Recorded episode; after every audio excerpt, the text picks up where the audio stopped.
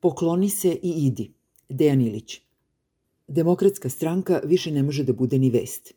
Deli se demokratska stranka. Ma hajde. Dva glavna odbora. Idi. A šta hoće ti koji se dele? Sleganje ramenima.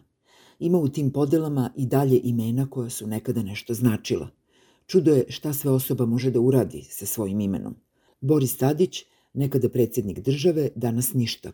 Vida Ognjenović, proslavila se u politici, polje kulture držat ćemo ovde po strani, kada je 9. marta 1991. balkon Narodnog pozorišta otvorila za ondašnje opozicione prvake.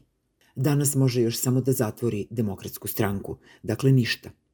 Branislav Lečić političku karijeru počeo da gradi tog istog 9. marta, prvi ministar kulture u prvoj demokratskoj vladi posle promena od 2000. Danas ništa. Recimo odmah da čitalac ne bi stekao pogrešan utisak, zaista se ovde misli na imena, a ne na konkretne osobe. Kao i naziv demokratske stranke, ta imena odzvanjaju jer su nekada nešto značila. Novoradikalski talas zbrisao ih je sa političke scene još 2012. Tako nebitna, ta imena se danas pojavljuju i nešto traže u ime svoje nekadašnje političke tobožnje veličine. Pa dobro, šta traže? Kažu, traže demokratiju. Od koga? Od Vučića? Ne, ne od Vučića, od Zorana Lutovca. Pobogu, ko je Zoran Lutovac? Aktuelni predsednik demokratske stranke. Koje stranke? Nebitna je postala demokratska stranka. Takvom se učinili upravo Tadić, Ognjenović, Lečić i ostali. Malo šta tu može da uradi Lutovac, ali naziv demokratske stranke ima veću simboličnu težinu od svakog ovog imena pona osob i svih njih zajedno. Čak i kad se ta stranka raspada, kada nestaje, kada je nepodnošljivo nemoćna, to ima svoje značenje.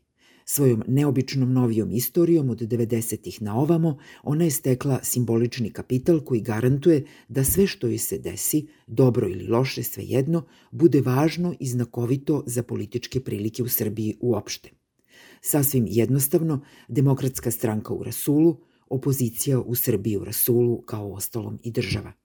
Demokratska stranka bez bitnih aktera u svojim redovima, opozicija u Srbiji bez bitnog aktera – Demokratska stranka razbijena, opozicija razbijena.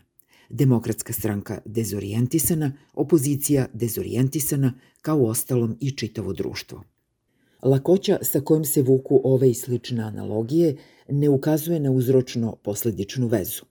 Recimo, demokratska stranka je u središtu domaće opozicije i sve što se u njoj dogodi ima posledice po čitavu opoziciju. Demokratska stranka je trenutno margina margine opozicije – Ni za šta više ona odavno, od 2012. nije važna. Ali i dalje je ogledalo. Plošna i prazna, ona je površina na kojoj se nepogrešivo odražava opozicioni politički život Srbije. Ona je lakmus papir, pokazuje šta se zbiva iako na događaje ne utiče.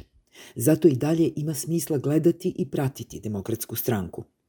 Kao takva, ona će preživeti i ovu krizu, koja zaista liči na terminalnu, ali treba se nadati da nije takva. Može se otići i korak dalje. Ono što bi bilo rešenje za demokratsku stranku moglo bi biti rešenje i za opoziciju u Srbiji uopšte. Tadić, Ognjenović Lečić nisu dali ništa svojoj stranci. Stranka je podigla njih, a ne oni stranku. Što se sada lepo vidi. Bez jake demokratske stranke oni su niko i ništa u politici. Nebitni politički pajaci. Jednom kada to shvate, trebalo bi lepo da se zahvale stranci za sve što im je dala i da se sklone dok im imena u politici još nešto znače, makar i samo kao sećanje na neka druga vremena. Isto važi i za dobar broj opozicionih aktera mimo demokratske stranke. Kolike su šanse da se to zaista i dogodi? Pogledajte demokratsku stranku i sve će vam biti jasno.